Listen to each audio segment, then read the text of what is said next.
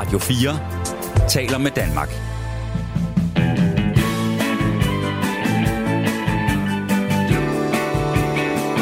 Velkommen til Only in America. Din værter er Frederik Dirk Gottlieb og Mirko Reimer Ester.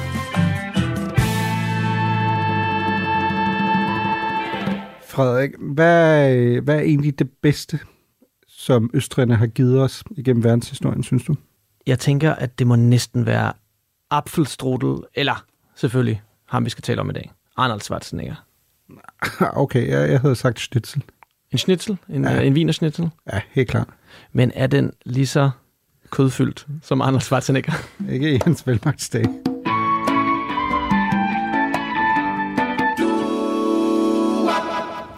to go and be able to step from one world to the next, from bodybuilding to show business and acting, only in America.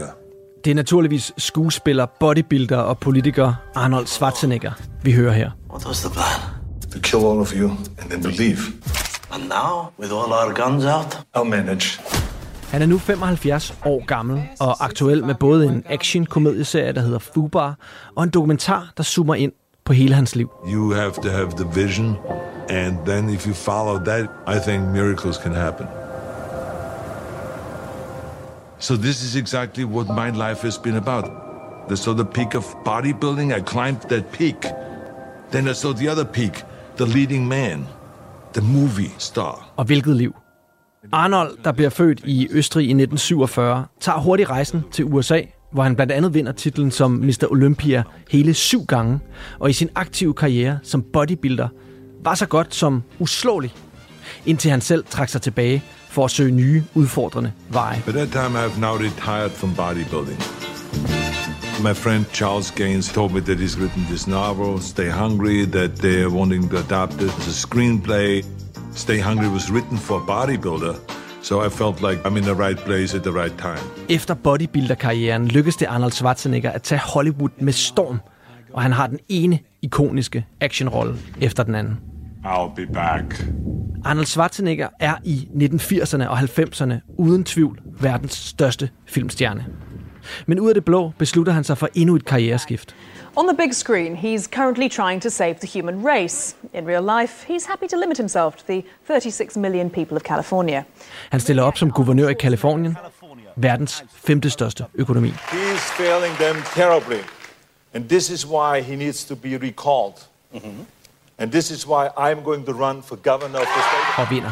Well, let me tell you something. The answer is clear. For the people to win, politics as usual must lose. I den nu aktuelle dokumentarserie Arnold reflekterer superstjernen over sit liv. Hvordan lykkes det en ung fyr fra en lille forstadsby med 2.000 indbyggere i Østrig at blive verdens største superstjerne? Hvad drev Arnold Schwarzenegger til USA?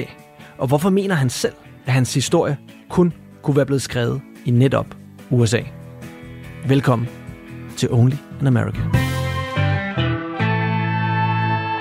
Frederik, hvornår øh, opdager du Arnold Schwarzenegger for første gang? Det er egentlig et godt spørgsmål. Han er, han er jo sådan en, jeg føler, jeg altid har, har kendt til, men der, der, der må selvfølgelig være et punkt, et, et første gang punkt. Jeg tror, jeg tror, de første film, jeg ser med Arnold Schwarzenegger, det er Terminator-filmene. Hasta la vista, baby. Så det er der, hvor det går op for mig. Altså, så for mig var han jo sådan en personlighedsløs maski- dræbermaskine, altså i bogstaveligste forstand i de her film, øh, hvor jeg egentlig hovedsageligt var imponeret over hans vilde fysik, men ret hurtigt bliver der, hvor jeg bliver fan af Arnold Schwarzenegger, det er, da jeg køber en DVD eller VHS. Det er et godt spørgsmål. Køber i hvert fald en film, der hedder Pumping Iron. En gammel, støvet dokumentar fra starten af 70'erne, jeg tror, den er fra 72, med Arnold Schwarzenegger i, i hovedrollen, kan man sige, hvis man kan kalde det, en dokumentarfilm. It's as satisfying to me as uh, coming is, you know, as uh, having sex with a woman and coming. So can you believe how much I am in heaven? I'm like uh, getting the feeling of coming in the gym. I'm getting the feeling of coming at home. I'm getting the feeling of coming backstage when I pump up. When I pose out in front of 5,000 people, I get the same feeling. So I'm coming day and night. I mean, it's terrific, right? Hvor jeg er sådan lidt, den er sgu lidt spøjs. Har han en, Anders Schwarzenegger, den her skuespiller, har han en baggrund som, som, som bodybuilder? Og så ser jeg så den her, og der åbner sig en hel verden op for mig. Altså, du kan godt se på mig, jeg er ikke bodybuilder, men, men, men jeg ser jo et menneske, som er langt mere end de store muskler, som er karisma til op over begge ører, som bruger humor, som sidder ærligt og fortæller om, hvordan han har snydt nogle af sine venner i de her bodybuilder-konkurrencer ved at narre dem og bruge sin, sin list, som han har taget med sig fra Østrig. Og, og ellers, hvordan han bare charmerer sig igennem hverdagen. Og altså, det, jeg tror, det øjeblik, jeg så den film, selvom jeg overhovedet ikke går op i bodybuilding, der, der klikkede det for mig, at jeg tænkte, det her, det er eddermamer, det, det er en superstjerne. Mm. Hvad med dig, Mirko? Altså, du er jo fra, du er jo født og opvokset i Tyskland. Du må jo mm. vide alt om hans østriske ophav. ja, man kan sige, at han er vel i det mindste noget af det bedre, øh, østrigerne har, har præsteret. Ikke? Altså, man kan sige, at de, de skyldte også lidt efter Hitler. Ikke? Så, så jeg tænker, at der, det var godt, der også kom noget andet ud over, ud over schnitzel og, og strudel og zachertorte og sådan nogle ting. Øh, det, har jo været, det har jo været med til at forme min krop, øh, så det desværre ikke blev øh, som, en, som en bodybuilder. Men, nej, men altså, jeg synes, det er meget sjovt, fordi min tilgang til Arnold er meget forskellig. Jeg husker ham som sådan en vidighed. Mm. Altså han var sådan lidt en joke. Han var sådan en karikeret type, der var pumpet, øh, uden at gøre ham fortræd. Jo nok ikke en, du vil nævne som de fem største skuespillere nogensinde. Og som... Nej, det tror jeg heller ikke selv, han vil mene, faktisk. Nej, men... Og som så jo bliver kendt ved lige præcis at være sådan en... Troede jeg i hvert fald dengang, da jeg var yngre, at han egentlig altid spillede den samme rolle. Han var altid sådan en pumpe, som du siger, en dræbermaskine, der øh, havde nogle, der var god til one-liners, øh, og der, hvor jeg jo føler, at jeg har et slægtsfællesskab med ham, er, at øh, det er jo rart endelig at høre en, der er lige så dårlig til at udtale engelske V'er, som, som jeg selv er. Øh, jeg er jo teenager, da han lige pludselig bliver politiker. Ja. Hvilket jo, når man bor i Tyskland, hvilket er helt skørt. Øh, undskyld mig, hvad bodybuilder, øh, som er blevet skuespiller, bliver lige pludselig guvernør i, i Kalifornien. Roll this around on your tongue. Governor-elect Arnold Schwarzenegger. 50% believe that he has a favorable approval rating. A defeat completely for Gray Davis, but certainly Mr. Schwarzenegger is, as of now, the projected winner. Jeg tror, det er der, den sådan, ligesom for mig kommer til at være, okay, det virker skørt. Det virker som om, det nærmest kun kan ske i et land som USA, fordi alt er bare ja, lidt, lidt mærkeligt. Ikke? Og det vil han jo også selv mene. Der tror jeg også med mig, jeg, jeg, jeg har jo været filmnørd til, altså fuldstændig. Øhm, så, så jeg, jeg åd jo alt. Da jeg fandt ud af, at der var den her fyr, der Arnold Schwarzenegger, der lavede den her type film, så så jeg jo hele mandens bagkatalog. Mm. Og dengang havde film, ja, fordi du har jo ret meget af det udkommer jo, altså nogle af dem er jo fra 70'erne, langt før jeg også er født, og, og altså mange af dem er jo udkommer, da jeg er en baby nærmest, ikke? Men dengang var der jo en langtidsholdbarhed på film og musik og alt muligt andet, som jo, altså så gik der måske, hvad ved jeg, 5-10 år før den blev sendt på tv, og så var den aktuel igen, ikke? Men man kan sige, at hans historie, den, den begynder jo altså, netop langt tidligere end det. Altså noget af det, vi, man glemmer at tænke på, er jo, at Arnold Schwarzenegger er 75 år gammel i dag. Ikke? Min far var født i 45. Han forlod os for 10 år siden. Men Arnold Schwarzenegger er født i 47, og jeg har jo aldrig tænkt på Arnold Schwarzenegger som værende samme alder som min far. Men det er jo også fordi, det, det, det der, det er så sjovt med ham. Han er jo tidsløs. Ja. Altså, Arnold Schwarzenegger er jo sådan en, du vil også øh, om sådan 50 år, altid sådan tænkt, Arnold Schwarzenegger, det var ham, der var Terminator. Eller ja. det var ham, der altid lignede en, der var, hvad ved jeg, 40 eller sådan noget. Altså, altså, han er jo nu, altså det er jo så vildt, som du siger, 75. Han er Joe Biden minus 5, ikke? Ja. Altså, ja, der skal ske jo, meget på fem år, hvis ja, han skal altså, det er jo helt Biden, sindssygt. Ikke? Altså, helt sindssygt. Ja, ja. Ikke? Altså, hvis, øh, hvis Arnold, det kan jo ikke, men hvis han kunne stille op som præsident, du vil jo ikke have en aldersdiskussion med ham. Han er jo stadig toptrænet. Der du vil jo ikke sådan sige, ah, men er han, sådan, er han måske lidt, øh, lidt for gammel, Arnold, fordi han er jo 75, men det er jo, som du siger, han ligner jo bare ikke en på 75. Det er jo helt sindssygt. Altså, hvis, du, hvis jeg skulle have gættet, øh, så ville jeg have sagt, okay, han er måske sådan i slut 50'erne, start 60'erne eller sådan noget. På trods af, at han får en meget, meget farlig operation øh, midten af livet, ikke? En, øh, jeg mener, det er en mm. hjerteoperation, han får. Oh, you can imagine. I mean, first of all, normally they have four heart surgeons in a surgery. I had 12. So I mean, it was the whole, the whole surgery room was just filled with, with doctors. Then the nurses normally they let you sleep from 10 o'clock at night to 4 in the morning, and then they start running tests. I had a nurse coming in every half hour to take blood samples and to do a test and to massage my lung and this and that. So it was quite an interesting trip, let me tell you. Som er åbenbart er en genetisk øh, sygdom, øh, som han så får mange år før, før hans mor.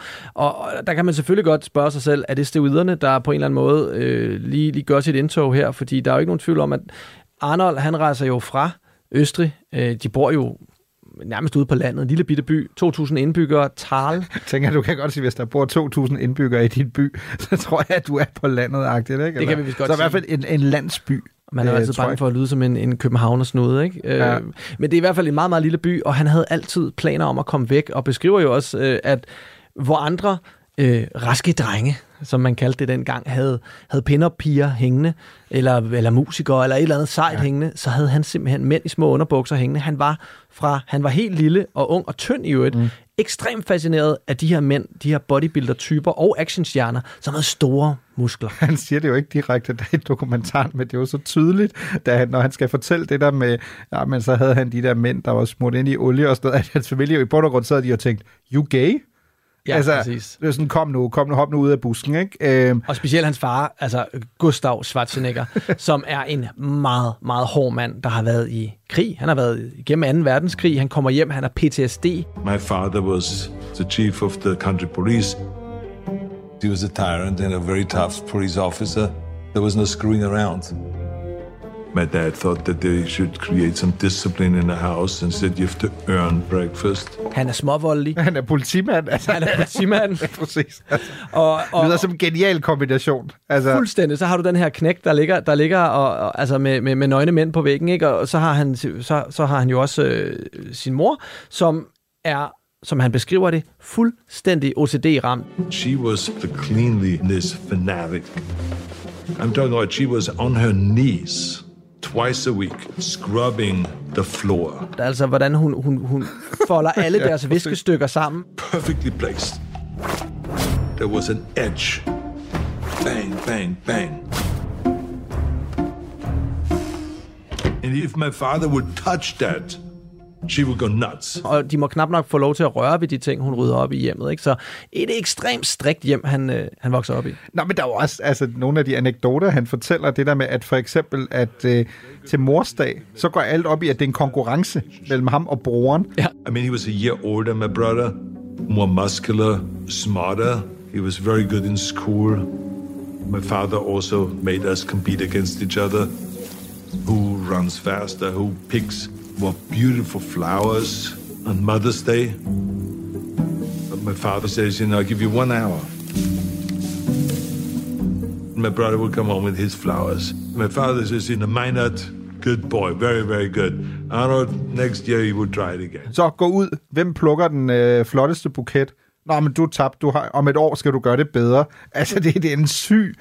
Altså sådan, øh, jeg, jeg tænker i hvert fald, i forhold til, hvor vi har jo også selv børn, jeg tænker, hvis du kører det der øh, med dine egne børn, Ja. så tror jeg, at kommunen på et tidspunkt ligesom vil banke på og sige, venner, øh, sådan, sådan skal man ikke opdrage sine børn. Altså, livet er ikke øh, en konkurrence, ikke? Det er jo sådan nogle snakker, vi også har derhjemme nogle gange. Min, ko, min kone er meget sådan over i den her, alle skal have en præmie, bare for at være med. Hun er meget sådan i den der lejr, ikke? Og, og det handler ikke om at vinde og at tabe, og jeg er bare sådan, jeg er meget sådan på Arnolds hold. Sådan, øh, jo, altså, det, det er ligesom det, det også handler om. Ja. Ikke?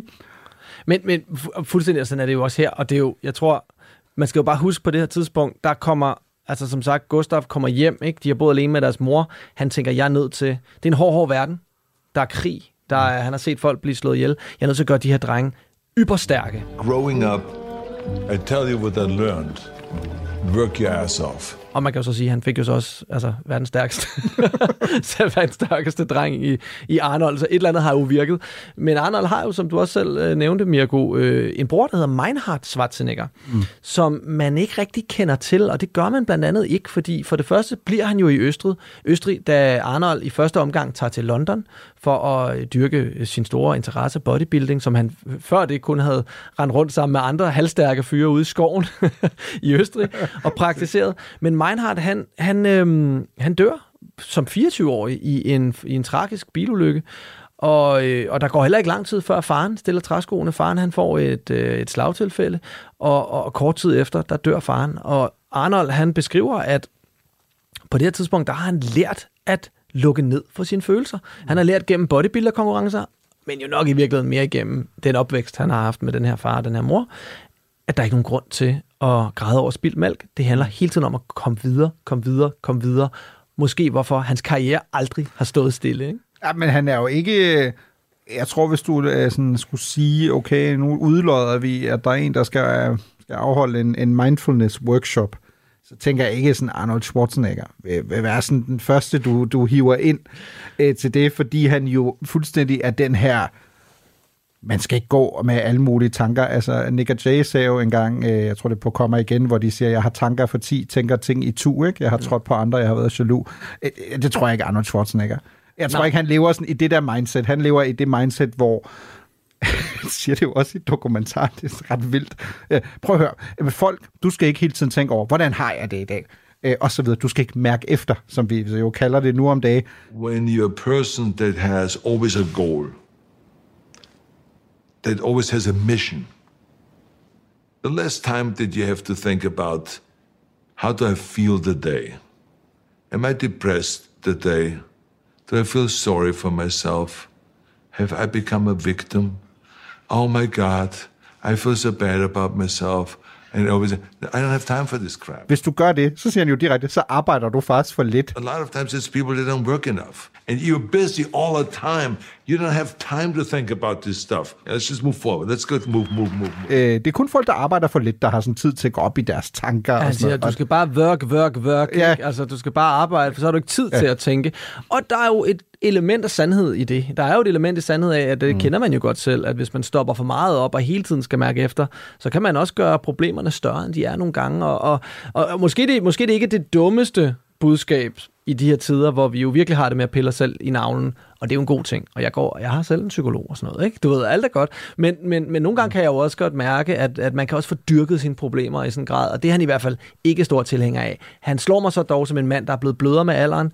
Han er meget lattermild, og det har han jo været hele, hele sit liv, men han genoptager jo også forholdet til moren, som jo ellers var strandet. Mm. Efter øh, faren og brorens død i mange år, var, var hun jo kun en, der kom og besøgte ham en sjældent gang imellem. Og så får de jo, da han bliver en stor filmstjerne, der får de jo et, et, et, et ekstremt øh, tæt, øh, tæt forhold igen. det må også, altså, man kan jo ikke rigtig sætte sig ind i det. Det må være svært, når du som ham jo føler, det siger han jo også, han føler jo nærmest, at han er født ind i den forkerte familie. Han siger jo blandt andet, da han er lidt yngre, så begynder han at have sådan nogle sådan lidt hjemmestrikkede teorier om, hvor hans far er ikke hans far. As I was getting older, and the more I read stuff about the outside world, outside of Austria, the more I started feeling like I don't think that I was brought up in the right place. There's something off here. Now I know this sounds crazy, but for a while, i thought maybe my dad isn't really my dad. Maybe it's some American soldier. Han er egentlig, sådan, han er egentlig blevet... Øh, han er egentlig faktisk et barn af nogle af de amerikanske soldater, der, Ja, der løber faktisk- rundt i Østrig. Præcis. Så sådan helt... I checked into it because I said, where does this come from? My desire that I really maybe don't belong to Austria, maybe I belong to American. Why is that? Og det er måske et, et, et kan man sige, et tidligt, det tidligste ønske om at være amerikaner, han har. Fordi ja. det er jo hans store drøm, fra han er helt lille, fordi alt det spændende kultur, han går op i, og det kan vi to jo godt sætte os ind i, ikke?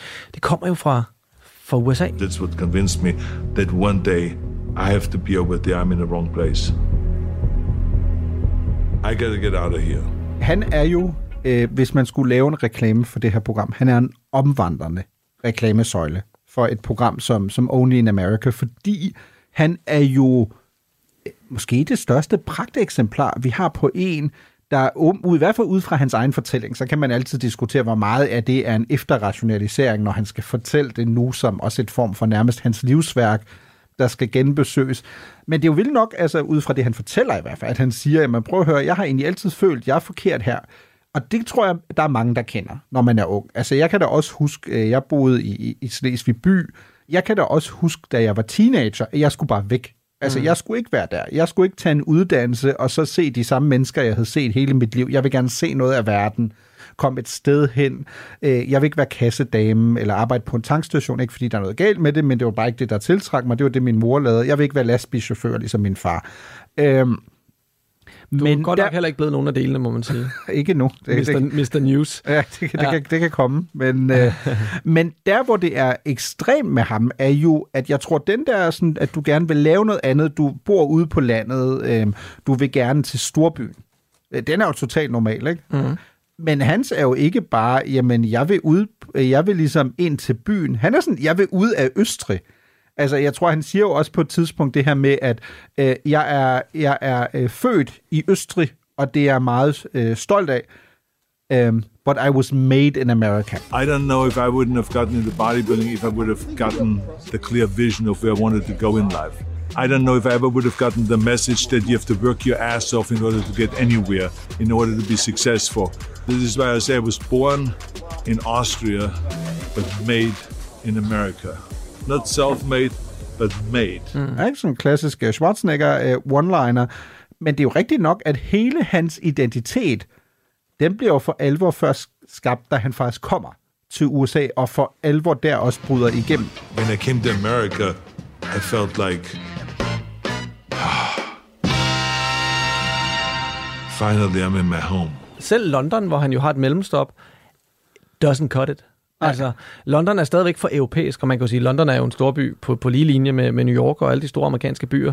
Det kan jo ikke blive meget mere, mere sådan internationalt og globalt end London, men han har et eller andet specifikt, han vil i USA. Der er et eller andet med mm. den amerikanske drøm, der helt specifikt tiltaler ham. Nå, men han er jo den amerikanske drøm. Altså, og det, igen, man kan, jo, man kan jo mene om, om det, hvad det vil, og man mener, at man prøver at høre den amerikanske drøm, det er også det er noget fis, fordi den findes overhovedet ikke, og hvis du kigger på statistikker, vil det være nemmere ligesom at komme fra bunden og, og komme op, hvis du boede i de skandinaviske lande. Men den der mytos er jo bare så stærk, og det kan du også mærke på ham. Ikke at, øh, hvad, det, hvad det nu, han får fortalt sådan noget, i retning af, at øh, hans far i bund og grund jo bare siger til ham, øh, du skal ligesom lave noget, der kommer noget til gode, og så work your ass off. ikke agtigt.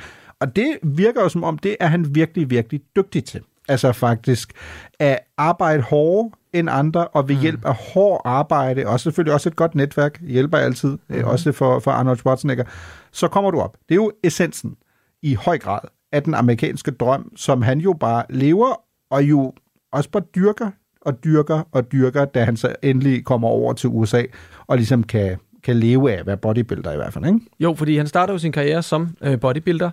En af de stadigvæk den dag i dag en af de, de mest legendariske bodybuildere nogensinde. Måske den mest legendariske. Altså, der har været nogen senere hen, der har taget flere steder, og som er større, og som ser mere sådan, vanvittige ud end Arnold Schwarzenegger. Det er jo forskellige tider af, hvad der ligesom også mm. gør, at du vinder konkurrencer inden for det her miljø. Ikke? Altså, der er det sådan nogle, altså, de ligner virkelig deciderede monstre, hvor her var der jo stadig, der var stadig en vis symmetri, en vis... Øhm, Man tog kun steroider fire måneder om året. Kun fire måneder om året, og han er jo meget åben om, at han tog steroider i ja. mange, mange, mange år. Det overraskede mig faktisk. Most common questions I also get is, you know, did we take steroids? Because now, of course, drugs is such a big issue in sports. And the, the answer is yes. Uh, it was just in the beginning stage because bodybuilders in those days just experimented with it, but it was not illegal. It was like it was. Uh, we talked about it very openly. I mean, anyone that was asked, he says, you take steroids? Yeah, I take three Dianabol a day. Or someone else would say, I would take this, this, this, and that. It was not an illegal thing. Og det er også derfor, jeg siger, måske kan det spille ind på, på, nogle, på nogle hjerteproblemer senere. Hvem ved? Det er, det er spekulationer. Men der er jo ikke nogen tvivl om, at det er hårdt for kroppen at tage, tage steroider. Øh, til gengæld er det også sundt at styrketræne, og det kan man jo på en eller anden måde sige, det kan man jo godt se på ham som 75-årig. Han, han, han, han, han går oprejst, han ser godt ud, ikke? Uh, men han vinder jo, altså det vildeste er jo, han vinder jo alt, hvad han stiller op i. Altså når mm. han bliver nummer to, de få gange han gør det tidlige bodybuilder-karrieren, så er han jo klar til at lægge sig til at dø. Men han har jo allerede der købt fuldstændig ind øh, på det amerikanske ordsprog, second place is the first loser, ikke? Altså, det, har fuldstændig købt ind på det. Altså, og det er jo det, også meget amerikansk, ikke? Ja. Og, og man kan sige, her er ikke nogen jantelov, som vi jo har lidt af i Europa, og jeg er sikker på, at de også har, har en, en, en variation af det, specielt på, på et tidspunkt, hvor et krigshavet Østrig, at, at man skal sgu da ikke komme for godt i gang. Altså, øh, hvor her, der, der dykker han jo fuldt ud i, at han ved, at han er den bedste. Han vil være den bedste inden for alt, hvad han gør. Og han bliver jo Mr. Olympia syv gange, og Mr. Olympia, det er, jamen som, som navnet lægger op til, det er, hvis du tager alle de forskellige verdensmestre i bodybuilding, der er, og så får du dem til at konkurrere mod hinanden. Og der vinder han hver gang. Da han stopper, der er han jo... Altså, hvis han var blevet ved, så havde han sikkert vundet 5, 10, 15 år mere. Øh, fordi vi, det ved vi jo også nu, manden han, han holdt sig i god form i lang tid. Men han vælger at stoppe, for det bliver så nemt for ham, at han tænker, jeg tæver alle de andre i, i de her bodybuilder-konkurrencer. Og når man ser Pumping Iron-filmen, jeg nævnte tidligere, den her dokumentarfilm om, om bodybuilder-miljøet, hvor, som egentlig var tiltænkt at være om alle de her bodybuildere fra den her tid, den ender jo med at handle om Arnold Schwarzenegger, fordi de finder ud af, at der er bare en stjerne her, og det er jo ikke kun fordi han træner, det er jo også hans personlighed. Men, men, men der ser vi jo også virkelig, at han, øhm, at han, at, at han har, altså, det er ikke kun hans fysik, det er hans mentalitet, der får ham så langt. Det er hans snille. De er jo alle sammen store, pumpede, trænede mænd. Men han har, han har noget ekstra, når det kommer til humor, karisma, charme. Og det får han jo så hurtigt udnyttet i næste fase af sin karriere. Ja, det må man sige, fordi altså, han er jo der på, i hans storhedstid, i hvert fald som, som bodybuilder, han er jo ligesom DJ Khaled, ikke? Altså, all I do is win, ikke? Han vinder bare i, i streg. Øh, og, og der er vi jo tilbage til det der, som du også rigtig siger, mindsetet. Altså det drive, at han så siger, i stedet for bare at sige, prøv at høre, nu kører jeg med klatten og, og bare videre her, så, skal han, så tænker han sådan, okay, hvad skal jeg nu? Mm. Ikke? Øh, og så vil han jo gerne være skuespiller, og der, der er måske heller ikke så overraskende. Det er jo ikke, fordi folk sådan står i kø til at starte med at sige, øh, hvad? Hvad vil du gerne? Altså, undskyld mig, du har ingen erfaring øh, i forhold til at skulle være øh, skuespiller. Øh, og der er vi jo også et sted, det er jo også det, der er interessant, hvor han også har en form for pionerrolle. Han dominerer jo bodybuilder-scenen, men jeg vil gå ud fra, hvis du talte med nogen, der, der dyrkede øh, bodybuilding den dag i dag, så vil de jo nok at sige, at, at bodybuilder-miljøet er nok, kunne jeg forestille mig, et helt andet sted i dag, fordi du jo nærmest også kan bruge det enten som et form for springbræt på grund af, af folk som, som Arnold Schwarzenegger, men også fordi han viser, at den kliché, jeg, jeg også kan huske, man altid havde, når man var yngre, det var sådan, at folk, der var meget pumpet, de var egentlig lidt idioter, ikke? Mm. At, at de havde ligesom, jeg havde en, en, en lærer i folkeskolen, der altid sagde, han sagde, ikke her, og så pegede han på musklerne, øh, på overarm, men her, og så mm-hmm. pegede han på hjernen. Ikke? Det var sådan sloganet, ikke? Ja, ja. Jamen, det er vigtigt, at du ligesom har noget i hovedet, end i stedet for, at du har store, store muller. Ja. Øh, og Arnold har jo, på trods af, at han er så karikeret, og jeg husker ham som en vidighed, han har jo tydeligvis begge dele, fordi ellers kan du ikke komme så langt jo. Det kan du ikke. Og allerede, øh, mens han er i 20'erne, og inden han faktisk begynder at slå igennem i Hollywood, er han millionær. Måske endda mange millionærer, og det er han, fordi at, øh, han havde en god ven, hvis far tog ham lidt under sine vinger. Arnold manglede en far, og han, han hjalp ham med at investere øh, pengene, og han er tydeligvis virkelig god til penge også, fordi han ret hurtigt ejer han adskillige kontorbygninger og lejligheder rundt omkring i, i New York, og allerede lidt af en, en bolig, øh, bolighej på det tidspunkt. Ja, så han har faktisk ikke engang brug for skuespil, og derfor siger han også nej til rigtig mange dårlige roller, fordi mm. han starter jo ud som Hercules i den film, der hedder Hercules in New York. Nobody can beat them. hey, wait, where, where you going? Over there. What for? To show them how to throw the discus. Oh, no, no, no. You gotta stay here. You can't go button in there. They will not like me to instruct them. No, it's just for college guys. No outsiders allowed. I am Hercules. Ja. Og det gør han jo blandt andet, fordi at han, er, han er stor fan af den, den, øh, den gamle Hercules fra 1958, med øh, skuespilleren Steve, Re- Steve, Steve Reeves, som spillede Hercules dengang. Og øh, han, det er jo hans store drøm at få lov at spille, spille Hercules. Men den film går altså ikke særlig godt. Og efterfølgende har han også en, en, en, en række af roller i 70'erne, hvor han bliver ydmyget. Øh, der er blandt andet en enkelt rolle, han har, hvor en anmelder skriver, at, øh, at den hest, der er med, har bedre ansigtsmimik end Arnold Schwarzenegger. og når man ser de der ting nu igen... Det er sådan, det er sådan en anmeldelse, hvor selv Thomas Treve måske vil sige, ah, okay, nu synes jeg, vi går over stregen, ikke? præcis, når han kaster håndklædet i ringen, ikke? Så ja, ved præcis. Du, altså, øh, men, men ikke desto mindre, så bliver han ved, og han bliver ved, og han bliver ved, og han gør sig jo gode venner med de rigtige mennesker. Og lige pludselig, så, øh, så får han charmeret sig ind på, øh, på, på en, en, en filminstruktør, der hedder John, John Milius, og han har en idé om, at han vil gerne lave Conan Barbaren, The Conan the Barbarian. Og øh, det bliver jo så selvfølgelig Arnolds helt store breakthrough-rolle. Øh, og, og derfra har han jo ikke set sig tilbage. Ret hurtigt bliver det jo til samarbejde med James Cameron, mm. som man i dag måske kender bedst fra Avatar-filmene. Øh, Titanic selvfølgelig, men han lavede jo alle de her kæmpe store blockbuster-actionfilm sammen med Arnold i øh, startende med Terminator 1, som jo er sådan en lidt underspillet, næsten horroragtig, mystisk, øh, var den lavet en dårligere, dårligere instruktør B-film, men som ender med at blive et totalt mesterværk, bliver fremhævet som en af årets bedste film af alle de øh, store, øh, store øh, aviser. Og, øh, og de laver selvfølgelig toeren, som bliver øh, årets største film internationalt set, øh, indtjeningsmæssigt. Og derfra, der er det jo bare off to the races. Vi har selvfølgelig også øh, True Lies, som han laver sammen med Jamie Lee Curtis, som i øvrigt beskriver ham som en af de rareste mennesker, hun nogensinde har mødt, og det var Arnold, der gjorde, at hun kom på plakaten, fordi de ville helst markedsføre den kun på Arnold, hvor han sagde, vi skal også have Jamie, Jamies navn op, og som hun siger, det var jo den rolle øh, og den opmærksomhed, der skabte hele hendes efterfølgende karriere. Du lytter til Only in America på Radio 4. Frederik, du, du er jo vores sådan, øh, omvandrende øh, film øh, leksikon. Og hvad er, hvad er sådan din yndlingsfilm? En, din Arnold yndlingsfilm? Hvis du har en. Ja, den er svær, ikke? Han er en af de skuespillere, hvor man, hvor man er nødt til at sidde og overveje, hvad, hvad, hvad man nu svarer, ikke? Øhm, jeg er vild med Total Recall, sidste udkald, altså kæmpe klassiker fra, fra 1990, men altså, der er nok ikke nogen tvivl om, at de film, jeg har følelsesmæssigt, øh, og det kan lyde mærkeligt, øh, til et forhold til, det er nok, det er nok de to Terminator-film. I know now why you cry. But it's something I can never do.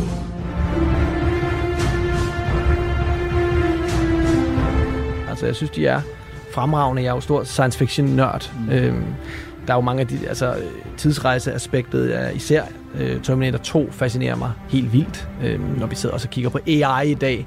Hele den her idé om Skynet, når man for eksempel læser historier om, om våben, øh, våbendroner, der skyder øh, øh, civile mennesker ved en fejl. Så kan man jo ikke lade være med at sidde og tænke på Skynet, og det, altså, det er jo så rigtige mm. historier, der er derude. Jeg var vild med livsfarlig løgn. Øh, en, en film, jeg altid har haft et meget sådan nostalgisk forhold til, det er den film, der hedder Twins. det er det den med Danny DeVito? Danny DeVito og ja. Arnold Schwarzenegger, der spiller øh, tvillinger, dog ikke enægget, hvorfor de ser så sindssygt forskellige ud. Ikke? Og Danny DeVito er jo også en, kæmpe karakter i, i Hollywood, specielt her i, i, øh, i 90'erne. Og det bliver jo altså en, en kæmpe øh, kasse succes for, øh, for filmproduktionsselskabet, og er en klassiker i dag, som sådan en som vores forældregeneration jo sikkert også har optaget på VHS og sidde og, og, og grinede lidt af. Ikke? Så har det vildt, jo... Men det siger jo også noget om, om Arnold, altså, fordi det er sådan vildt nok sådan at sige, men ved du hvad, den laver jeg lige, fordi hele præmissen er jo, nu skal du lige pludselig være sjov. Ja. You ain't gonna rock and roll no more. Yakety yak, yakety yak. Don't talk back. Money. Excuse me, but I was just taking a shower. Good singing. oh, I, I baked you some cookies. Cookies? I, I guess it was a dumb idea. No, not at all. I, I'm really looking forward to tossing them. I should put on some clothes. I'm sorry, I'll turn around. Ikke? Og det er jo det er jo ikke det image, han, han har som sådan, da han starter med at være skuespiller. Der er en meget sådan, prøv at høre, hvad er dit image? Du er sådan en maskine. Du kan bare slå ting ihjel, øh, eller dræbe nogen, eller ødelægge noget, fordi du er pumpet, du er stærk. Du skal jo helst ikke have så mange replikker. Som jeg husker det, er det jo noget med, at han til at starte med faktisk ikke gider at være Terminator, tror jeg ikke. Er det Terminator, tror jeg? Terminator er jo... Han får at vide, prøv at høre, der er kun 26 replikker. Altså, det, det gider jeg sgu ikke. Ja, og hvem skulle spille Terminator originalt? O.J. Simpson. hvor, hvor der bliver sagt, og det laver han lidt sjov med jo, Arnold Schwarzenegger, det bliver, det bliver nævnt, øh, at man tror, man køber ham ikke som en, som en, som en dræber. Ja, OJ. Øh, ups, ikke? Fordi ja, OJ blev så senere anklaget for, for dobbeltmord. Øh, men, men, og man glemmer jo også, at han har en helt karriere i 80'erne. Igen, jeg er nok også vokset mest op med hans 90'er-film, mm. min alder taget betragtning. Men i 80'erne har han jo en kæmpe karriere, som, som begynder selvfølgelig med Conan Barbaren, som vi snakkede om før, den første Terminator-film. Øh, men også film som Commando og altså en af mine yndlingsfilm er absolut også den, der hedder Predator, som der jo stadig bliver lavet opfølger til den dag i dag. Altså, det er jo et kæmpe franchise med den her. Jeg tror jeg faktisk, jeg har set dele, dele af det. Der, hvor han, øh, hvor han siger, if it bleeds, we can kill it. If it bleeds, we can kill it. Præcis, ja, præcis. præcis ja. Og det, det, det handler om en, en, øhm, en, en, en, en alien, der kommer til ja. vores planet, som er sådan en, en, en hobby, øh, som går på jagt. Og han, den her Predator går, går så på jagt på jorden. Og øh, det skulle, det skulle den jo ikke have gjort, fordi hvem gemmer sig ud i skoven? Det gør Arnold Schwarzenegger. så altså, han har så mange klassikere under sit bælte, og øhm, han har jo også et, et, altså et rivaliserende forhold til en anden stor 80'er og 90'er legende, Sylvester Stallone. Ja. Og jeg tænker, at Arnold Schwarzenegger må have været det mest irriterende, man overhovedet kan forestille sig, hvis man er actionstjerne på det her tidspunkt. Her kommer den her mand. Han er ikke bare, hvad ved jeg, en 90 høj og gigantisk, kommer fra Østrig, øh, har ret sådan smukke træk, kommer her. Han er også stærkere end alle andre, fordi han er syv gange Mr. Olympia, og har vundet, altså, han har vundet mere end, i hvert fald mere end 13 førstepladser i, i de største bodybuilder-turneringer i verden. Og ham skal du lige pludselig hamle op med, når du er Sylvester Stallone. Du er en, øh, sådan, lidt, lidt, lidt, lidt lille lort, men dog med, med relativt veltrænet lille lort. Ikke? Så pludselig skal du hamle op med Arnold Schwarzenegger, og du er i virkeligheden en meget bedre skuespiller end ham, men det er meget hurtigt ham, der får al opmærksomheden, og det kan man jo også, øh, det, det ved vi jo også, at Sylvester Stallone var ude og snakke om, hvor irriterende han synes, det var, at, at, at han kom her, og de kunne faktisk ikke være i rum sammen. Folk måtte mm. adskille dem, fordi de havde hinanden så meget. You can, I really respect this guy. I think I think he's brilliant. What yeah. he's done, what he's accomplished. He's had three different careers. Oh, he's great. But I want to strangle him. You want to strangle him? Senere tror jeg, at Sylvester Stallone er jo kommet lidt på den forklaring, at ej, men Arnold han blev jo aldrig rørt i sin film. Han var en dræbermaskine. Man kunne ikke skyde ham. Han blødte aldrig. He didn't bleed, so you couldn't kill him. Men, men Sylvester Stallone, han var underdoggen, ikke? og det kender vi ham jo fra selvfølgelig i Rambo, hvor han er PTSD-ramt, øh, Vietnam-soldat, øh, veteran. Og så har du ham selvfølgelig i, ro- i Rocky-filmene, hvor han jo også hele tiden får tæsk og hele tiden taber, og så kommer han lige tilbage i sidste øjeblik. Ja, præcis. Den der Come- comeback- comeback-historien, italienske men- mentalitet. Ikke? Øh, ja, comeback-historie, præcis. Så, øh, men, men det skal jo også siges, at senere i karrieren, der, der laver de jo det franchise, eller det er jo Sylvester Stallone, der laver det, det der hedder The Expendables, og der, øh, der begynder de så at samarbejde, og det er jo, det er jo meget smukt. You know him? Yeah, we used to be on the same team together. What's my oldest worst friend doing here? Both your names came to the top of the list. Is that a problem? Yeah, should have shot him when I had a chance. Big Barney Ross. Bigger Trent Mouse. What are you doing? Praying for Brooke? Could be. Have you been sick? You lost weight? Really? Now, whatever weight I lost, you found, pal. Men, men der er også, altså jeg tror, noget af det, der jo også gør det, øh, som en, der har sympatier med mennesker, der ikke kan udtale engelske V'er, øh, det, det er jo også vildt at tænke på, det er, jo ikke, det er jo ikke nemt at bryde igennem. Altså til at starte med, da han får sin skuespillerkarriere, siger de jo til ham, prøv at høre, altså vi vil gerne have din krop, men der er simpelthen en, der bliver nødt til at tale for dig, fordi ja. dit engelsk er simpelthen så dårligt. Altså det, det, den går ikke, ikke? Ja.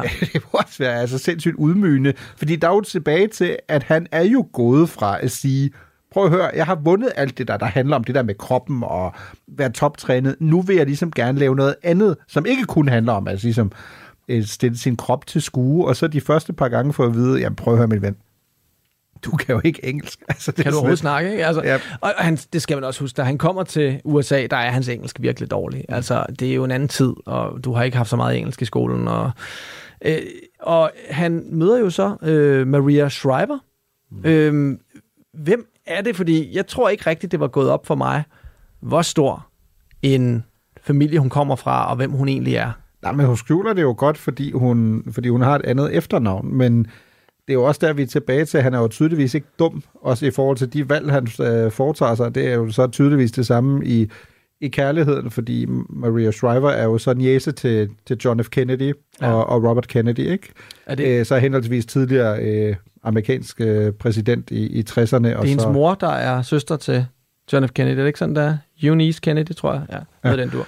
Øhm, så han kommer jo lige pludselig ind i, øh, i Kennedy-familien, ikke? Øhm, som jo, som han i hvert fald selv har fortalt, det ser ham virkelig meget an til at starte med, ikke? Kommer sådan med i det fine selskab, kan jo stadig knap nok, altså ordentligt engelsk, ikke? Er jo blevet en stor ting, øh, primært stadig på det her tidspunkt igennem bodybuilding, er i gang med sådan måske at prøve at overveje øhm, at få en, en karriere som skuespiller, men det er jo ikke sådan, sådan klassisk materiale nødvendigvis til sådan øh, Kennedy-familien, ikke? Og Nej, og det skal du sidde der med dem. fordommene om en, en, en mand med store muskler, som vi talte om før. Ikke? Altså, hvad, hvad skal han i den her intellektuelle familie, hvor vi, hvor vi har haft en præsident?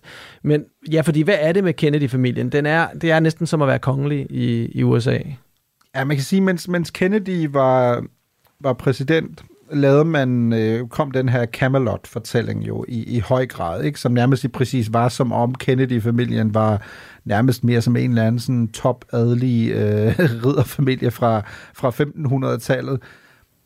Jeg tror, det der er i høj grad stadig med, med Kennedy den dag i dag, er, for sådan nogen på vores alder, er det jo, jo svært at sætte sig ind i, men hvis du taler med folk, der er lidt ældre, der faktisk kan huske ham som præsident, øh, og ikke mindst, da han bliver skudt og dræbt i, i Dallas, øh, efter ikke særlig lang tid på, på præsidentposten. There has been an attempt, as perhaps you know now, on the life of President Kennedy. He was wounded in an automobile driving from Dallas Airport into downtown Dallas, along with Governor Connolly of Texas. They've been taken to Parkland Hospital there, where their condition is as yet unknown. Så er Kennedy er jo et symbol, øh, nærmest mere end han var et menneske. Kennedy var et symbol på, at man ligesom øh, knap øh, nok undslap øh, et øh, nukleart Armageddon med, med Kuba-krisen i starten af 60'erne. Man var bange for, at man havde den kolde krig. To atommagter, øh, Sovjetunionen og USA, der stod over for hinanden. Og så kom Kennedy, den her jo meget unge mm. øh, præsident i 40'erne, ny generation, øh, håb, fortælling om, at det skal nok blive bedre. Øh, indsættelsestalen, hvor John F. Kennedy siger, at du skal ikke spørge, hvad dit land kan gøre for dig. Du skal spørge, hvad kan du gøre for dit land? Øh, apropos øh, Mr. UFO og øh, Out of This World mand, øh, man kan heller ikke rigtig tale om øh, Kennedy, uden at tale om ambitioner om at slå Sovjetunionen, når det kommer til rumkapløbet, mm. øh, hvilket man jo også ender med at opnå øh, dog, øh, dog først efter øh, Kennedy du, er død. Så du kommer fra en, en jo både savnomspunden øh, familie, der er jo sat lidt på spidsen det tætteste, som du i amerikansk politik kommer til en form for royal familie. Øh, amerikanerne har jo aldrig dyrket øh, det royale aspekt. Tværtimod var det jo blandt andet derfor, man gjorde modstand og gerne ville mm. løsrive sig fra, fra den britiske konge og fra det britiske imperie.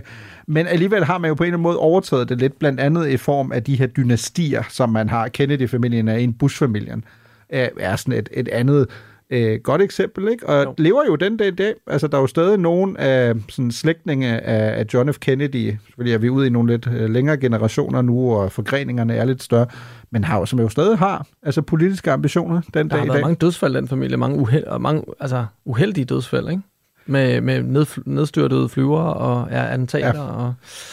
Ja, de har jo været med til at de præcis at skabe den her en, enorme myte, ikke? Jo. Øhm, primært selvfølgelig med John F. Kennedy, men jo også præcis fordi hans bror øh, Robert Kennedy, som, som var justitsminister ja. øh, under John F. Kennedy, jo også øh, ender med at øh, blive dræbt øh, ikke så mange år efter, at John F. Kennedy er, er blevet dræbt i Dallas. Og det er den familie, Arnold Schwarzenegger øh, lige pludselig kommer ind i, og det er jo også derfor, man sådan lidt kan sidde og tænke, at måske er det ikke helt tilfældigt, at han jo også lige tager et tredje spring, som er ret vildt. As I said earlier, this was a uh, very difficult decision to make. Um, as I always have said, that when I'm finished with my Terminator promotion, I would then deal with this issue if I will run or not. Og det er jo der, jeg sådan primært begynder at stifte bekendtskab med ham, øh, fordi jeg tror faktisk aldrig rigtig har set så mange af hans film.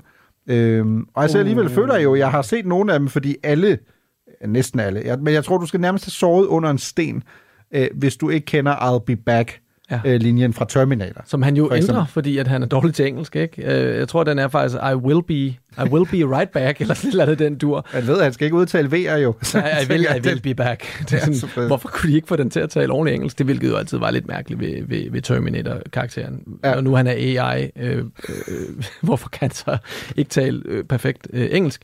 Øh, men det er jo en af de ting, han gjorde der. Jeg tror jo også, han samarbejder med James Cameron. Øh, han har været en farvefuld figur, han med på sin film. En, mm. en, en, en, en, en mand med mange meninger. Og netop de meninger bliver jo hans næste epoke i livet, kan man sige, fordi øh, ud af det blå, øh, synes det, for en, for en mand som mig, der, har, der har set, kender ham som actionstjerne, så annoncerer han jo pludselig, at han synes, at øh, den daværende guvernør øh, fra, øh, fra Kalifornien, han simpelthen ikke gør et godt nok stykke, stykke arbejde, og det vil han da gerne hjælpe med. Han vil da gerne stille op som guvernør, og pludselig så fanger bordet. Well, last week on Thursday, I visited my last city, which was Mexico City, and after I came back, I started talking to my wife about this and with my children about this, about the idea of running for governor. And uh, they don't give you much time for something like that. This time it was a very had to be a very quick decision. So within two weeks, one had to make up their mind. And uh, so I, uh, my wife told me that she will support me no matter what the decision is. And I therefore decided to run uh, for governor of this great state. Er det ikke sådan mere eller mindre sådan, det foregår? jo, altså, ud af det blå er jo som sådan rigtig beskrevet, fordi han, han siger selv, at han har haft de her overvejelser igennem noget tid. Ikke? Øh, har så spurgt folk tæt på ham, både i filmindustrien og hans kone, og de siger typisk, svaret er sådan typisk, are you out of your fucking mind? Ikke? Jo, altså, jo, jo. Sådan, er du helt væk, eller hvad? Du er det skørste overhovedet. Altså, du er en øh, filmstjerne, der på det her tidspunkt tjener måske øh, 20-30 millioner dollars per film. Ja. Du er stinkende rig. Ja. Men der kommer også noget andet, som... Ja, jeg... den bedst betalte øh, altså filmstjerne ja. i verden, ikke? Jeg tror, det spiller lidt med ind, altså, fordi det er også mit indtryk, at det er også en del af hans drivkraft. At han virker som sådan en, jeg tror, hvis han var gået i en, en dansk institution, Nu om dagen, så havde han jo fået en diagnose inden for to uger. Altså, fordi han har jo åbenlyst... Ja. Altså, han kan jo ikke fokusere. Agtigt. Eller jo, han kan godt fokusere i en tid, men mm. han er tydeligvis også en, der begynder at kede sig. Ikke? Det er sådan lidt, altså apropos, jamen, nu har jeg vundet Mr. Olympia syv gange, også apropos igen helt DJ Khaled, ikke? Another one, another one. Jeg vinder, jeg vinder bare. Okay, fint. Og så, okay, men det bliver kedeligt nu. Hvad skal jeg nu lave? Ja. Så bliver du skuespiller, alle griner af dig og siger, prøv at høre, det kan jeg ikke lade sig gøre. Du er bodybuilder, du lever af dine muskler. Øh, skuespil handler om mimik og sådan noget ting. Det kan du ikke. Nå, men bum, så ejer han det game, bare efter hvad, 15-20 år. Og så står han bare og siger, hvad skal jeg lave nu? Det er jo også sådan lidt, ikke? Og det er der, han starter sin rap-karriere. Nej, det er det ikke. Men han har faktisk prøvet at rappe. ja. Det er jo egentlig utroligt, at han, han har ikke gjort sig så meget musik, og måske... Vi kan jo lige prøve at høre lidt. Måske kan man godt høre, hvorfor. Break some rules, not the law. Don't be afraid to fail. You have to think outside the box. I say no pain, no gain. I don't wanna hear it can't be done. Give always something back. My name is Arnold Schwarzenegger. I'll be back. Ouch. You get the point. Nej, det er selvfølgelig ikke musik. Det er ikke rap. Det er selvfølgelig hans politiske karriere. Mirko? Ja, som jo kommer overraskende. Altså forstået på den måde, det har Jay Leno jo også sagt, at Arnold har ligesom sagt, prøv at høre, jeg overvejer at stille op til guvernørposten i Kalifornien, øhm, fordi den nuværende guvernør er så upopulær, øhm, at man i Kalifornien har valgt at gøre det, eller borgerne kan gøre det, man skal simpelthen indsamle underskrifter for, at øh, der skal være et, et form for mistillidsvotum. Altså, guvernøren skal simpelthen afsættes. Mm. Arnold begynder at overveje at sige, okay, prøv at høre, det er måske ikke så dumt, fordi hvis man gør det på den måde, så er der en meget kort valgkamp. Nærmest meget mere europæisk. Den tager kun et par måneder, alt efter hvornår man melder sig på banen. Det er ikke sådan en, hvor du nærmest to år i forvejen, som det er med præsidentvalg eller guvernørvalg for den sags skyld, nærmest er under en konstant loop.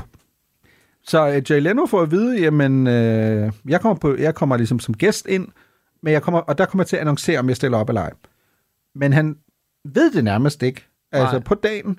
Altså grund til, at vi ved, at han måske ikke bare koketterer, men at han faktisk beslutter sig on the spot, det er jo, at de folk, der skal hjælpe ham med at sammensætte en kampagne, bliver jo så ringet op bagefter, og så er det ellers bare huha i vilde dyr. fordi der er intet forberedt. Ja, ja, præcis. Hvad har du Intet. overvejelser? Hvad, hvad er sådan dit budskab? Og sådan noget? Hvem, hvem, skal lave det? Og sådan noget. Der er bare nul, ikke? Og det altså. er igen en meget, meget amerikansk ting. Ikke? Hvis bare du har den rette indstilling, mm. karismaen, så kan du gå for eksempel fra at være altså øh, bodybuilder næsten nærmest ikke engang kan tale på det sprog, mm. du, vil, du vil folde dig ud i, i det land, ikke? til at blive verdens største actionstjerne, bare fordi folk så gerne vil den der succeshistorie, og du kan også gå fra det, være den mest, jeg kan huske, at det blev annonceret det her, du, han var den mest usandsynlige kandidat til at, at, at lande en toppost inden for det her. Folk var chokeret. Men det sker, fordi folket kan godt lide Anders Schwarzenegger. Du lytter til Radio 4. Han overlever jo et regulært MeToo-angreb, inden han så faktisk øh, træder ind som, som guvernør. A graphic article on the front page of today's Los Angeles Times detailing the allegations of a half dozen women. Among the claims that he groped their breast, made lewd sexual suggestions, and tried to remove one woman's bathing suit in an elevator. The paper quotes one woman as saying, Did he rape me? No. Did he humiliate me? You bet he did. Det, det stod faktisk aldrig klart for mig dengang, at det er ret vildt, når man går tilbage nu og ser det med 2023 øjne, hvor at, øh, fordi som du også siger, han, der er jo ikke så super lang tid fra, han annoncerer til, der er til der er valg, der er lidt over to måneder, under 70 dage. Øhm, aviserne begynder selvfølgelig at, at grave, som man gør, kandidat, hvad, hvad har vi, og så videre, og det viser sig, øh, det er jo især LA Times, Ja. øh, som selvfølgelig er en af de store aviser i Kalifornien, finder jo relativt hurtigt ud af, at der er måske noget der, i forhold til kvinder, der, der siger, at han øh, jo enten er kommet med tilnærmelser, enten fysiske eller verbale, som, som de ikke Han er- bryder sig om. Han har været lidt for... Ej, man skal, man skal også passe på, at man ikke kommer til at underkende, hvad, fordi vi ved jo ikke, hvad der er foregået, men han har i hvert fald været lidt for påtrængende. Øh, han, altså helt, helt konkret er det uh, groping and humiliating, øh, de ting, han har gjort. Altså han har, ja. han har taget på kvinder uden, uden øh, deres samtykke. Igen, det er det, anklagerne går på i hvert fald. Og, og det er jo ikke bare én anklage, det er jo, det er jo mange anklager øh, på den her ellers mand med, med det her gode renommé. Det viser jo også lidt om, at dengang, der var det jo hovedsageligt øh, journalisternes ærne at fælde politikere, og ikke ikke superstjerner, som vi ser i dag. Ja. Men den type af journalistik er jo nu øh, nærmest mere normal, eller i hvert fald lige så normal inden for, for Hollywood og den slags. Og måske det er derfor, han overlever den dengang, for folk var jo sådan lidt, åh ja, en charmerende skuespiller. Selvfølgelig har han nogle lige i lasten, ikke? Hvor, mm. hvorimod hvis du er politiker, der har du jo altid skulle, skulle holde sig op til en helt anden standard. Og i dag har det så ændret sig lidt, det billede. Jamen, det er helt vildt at tænke på, altså, fordi man igen også skal huske, hvor stor Arnold Schwarzenegger var i, i 80'erne og Altså også i pumpet, 90'erne. hvor stor pumpet han var. Nej, men, ja, jamen, det er han jo stadig for den til skyld, ikke? Men, ja, men hvor, hvor, altså som du siger, hvor verdens, manden var jo et globalt fænomen, ja. ikke? Han var en østriger, der var blevet et amerikansk fænomen, der blev et globalt. Jeg tror, han var fænomen. verdens største stjerne på det tidspunkt. Jeg Ja. tror, der var en tid, hvor der ikke var nogen mere kendt person på jorden nærmest, end, end Arnold Schwarzenegger. Ja, så du tænker, hvis, øh, hvis de der aliens var kommet og havde sagt, take me to your leader, så havde du hentet Arnold, og så, havde de. Så at- frem, frem med Arnold, han og så var, det de, så var de flået afsted igen, fordi jeg havde sagt, fuck mand, okay, Fuck, han- ham der, er det, fuck, han- er han det rager sådan, de ser ud her på jorden? Ja, han okay. på mig. vi, skal, vi skal bare væk, ikke? Øhm, Ja, jeg synes, det er jo vildt, fordi jeg også sådan sad og tænkt, okay, men når du har været så eksponeret igennem så lang tid, så må der jo på et tidspunkt have været nogen, der enten står frem, eller nogen, der har haft en dagsorden og har prøvet at finde de her mennesker og sagt, ham kan vi ikke lide, han skal ned med nakken. Øh, men det kommer jo så først der i, i midten af, eller midten af nullerne 2003, da han øh, stiller op til guvernørvalget. Øh, og det der jo er meget interessant i forhold til, da det så kommer frem, at der er mere end en øh, kvinde, der står frem, ret detaljeret også de, de vidnesbyrd, der kommer, er jo, han, han lægger sig ikke fladt ned, men han går ikke i benægtelsesmål. You know, when you get into politics, you try to tear down your character and tear down everything you stand for. And as you know, this morning they have begun with the tearing down. Yes, absolutely. Let me tell you something. A lot of those what you see in the stories is not true. But at the same time, I have to tell you that I always say that wherever there's smoke, there's fire. That is true. And so what I want to say to you is, is that yes, that I have behaved badly sometimes. Yes, it is true that I was on rowdy movie sets and I have done things that were not right, which I thought then was playful, but now I recognize that I have offended people. And to those people that I have offended, I want to say to them, I'm deeply sorry about that and I apologize because this is not Han siger, okay, ja, jeg har gjort nogle ting forkert. Ikke alt det, I hører, er, er rigtigt, men det er selvfølgelig ikke i orden. Man kan selvfølgelig, det er jo klart, fordi vi lever i en tid, hvor det her er blevet meget mere udtalt, og vi taler om et decideret MeToo-bevægelse, tænke, okay, havde han overlevet det her? Altså, hvis det her var sket nu om dagen? Den har været svær, ikke? Ja, umiddelbart svært at forestille sig, ikke? På den anden side, i politik virker det, som om du kan overleve alting øh, nu om dagen. Hvorimod, at det kan du ikke som skuespiller. Og i, i, den er blevet vendt om, ikke? Fordi hvis. Ja. vi tænker på, hvordan Trump han starter øh, som præsident, ikke? Med hans, hans berømte øh, grab him by the pussy line. Ja. Og det er decideret lige inden, at der er, der er afstemning. Ja. Hvem, hvem vinder? Jamen det gør han, fordi det er jo op til folket. Så man kan sige, måske havde det ikke været så stort et problem rent politisk, som, øh, som det faktisk havde været for hans øh, Hollywood-karriere. Den tror jeg til gengæld godt kunne, kunne, kunne blive pænt skrinlagt. Vi kan jo godt lide Arnold. Vi kan rigtig godt lide Arnold. Man, man kan jo ikke lade være. Altså, hvem kan ikke? Altså, jeg ved godt, vi sidder og snakker med en mand, der har alle mulige øh, anklager på, på CV'et, men han er svær ikke at holde af, når man ser den her dokumentar, der hedder Arnold, som ligger på Netflix. Hans nye serie, Fubar, det er jo vildt nok. Han laver lige en actionserie også i en alder af 75 år. Det er ikke lige min altså, øh, kop te, vil jeg da gerne indrømme, men den er jo kompetent lavet. Og den er jo sådan helt, det er jo sådan helt kindergarten cop, endnu en af hans klassiske film, hvor han jo er den her tough guy, der pludselig skal undervise en, en børnehaveklasse. Ikke?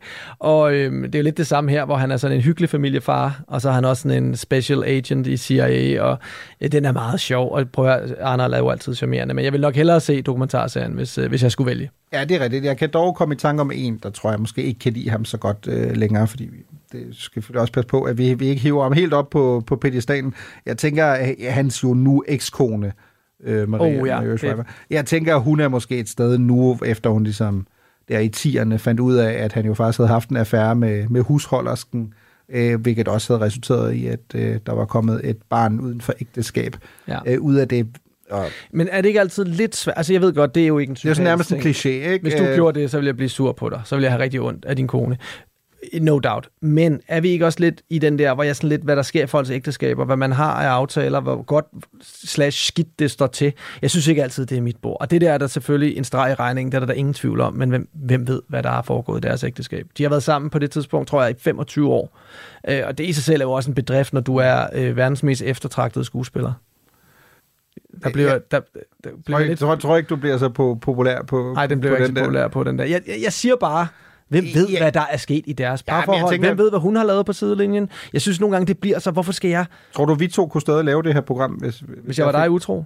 Øh, Nej, hvis jeg fik et barn med din kone, eller, din ko- eller du fik et barn med min. Jeg tror måske, det kunne blive lidt Stakkels, anstrengt. altså din kone, som har øh, født der er fire børn i forvejen, det vil, Ja. det vil blive... Øh, det vil blive det, det, Og prøv at tænke, hvad for, hvor, det, det vil jo faktisk være svært at skjule, ikke? Altså, hvis, hvis du fik et barn med min kone, ikke?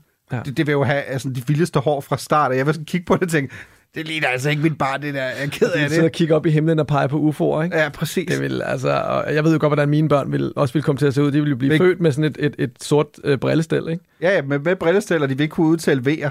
Altså nærmest fra de kommer ud. Er det for en lille tysker, vi har fået her? øh, Ja, ups, hvad, men du havde det? jo også godt lidt til efternavn. Ja, men... Ja, ja, okay, okay. Jeg kan, point taken, point taken. Han er et røvhul. Ned med ham. Ja, lad, os, lad os sige det ligesom ham. We'll be back.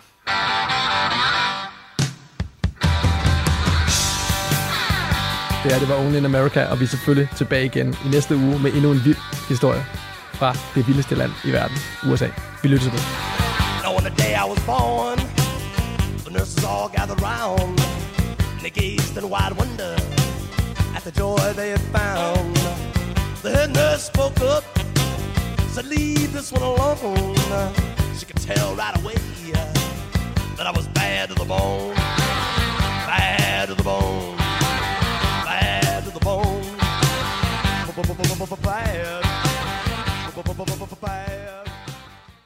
Du har fået til job at synge kor for ABBA. Jeg, jeg var ikke simpelthen ikke klar over, hvor sindssygt det egentlig var. Det var jeg jo ikke. Jeg var jo bare ni år og glad i låget. Musik er en hurtig genvej ind bag facaden. Jeg følte jo, at alle de sange var til mig. Ind bag den offentlige person. Jeg kiggede ind i et mørke. Det er jo der, jeg skal hen. Det er jo der, alt trøst er. I Portrætalbum bruger Anders Bøtter musikken til at vise nye sider af sine gæster. Carmen Køllers uh, Axel Byvang, har han en playliste? Jeg ved ikke, om jeg tør sige det. Det er så pinligt. Blandt andet Backstreet Boys. Lyt til Portrætalbum i Radio 4's app, eller der, hvor du lytter til podcast. Radio 4. Hold kæft, mand. Det turde Ulla Terkelsen ikke, det der. Ikke så forudsigeligt.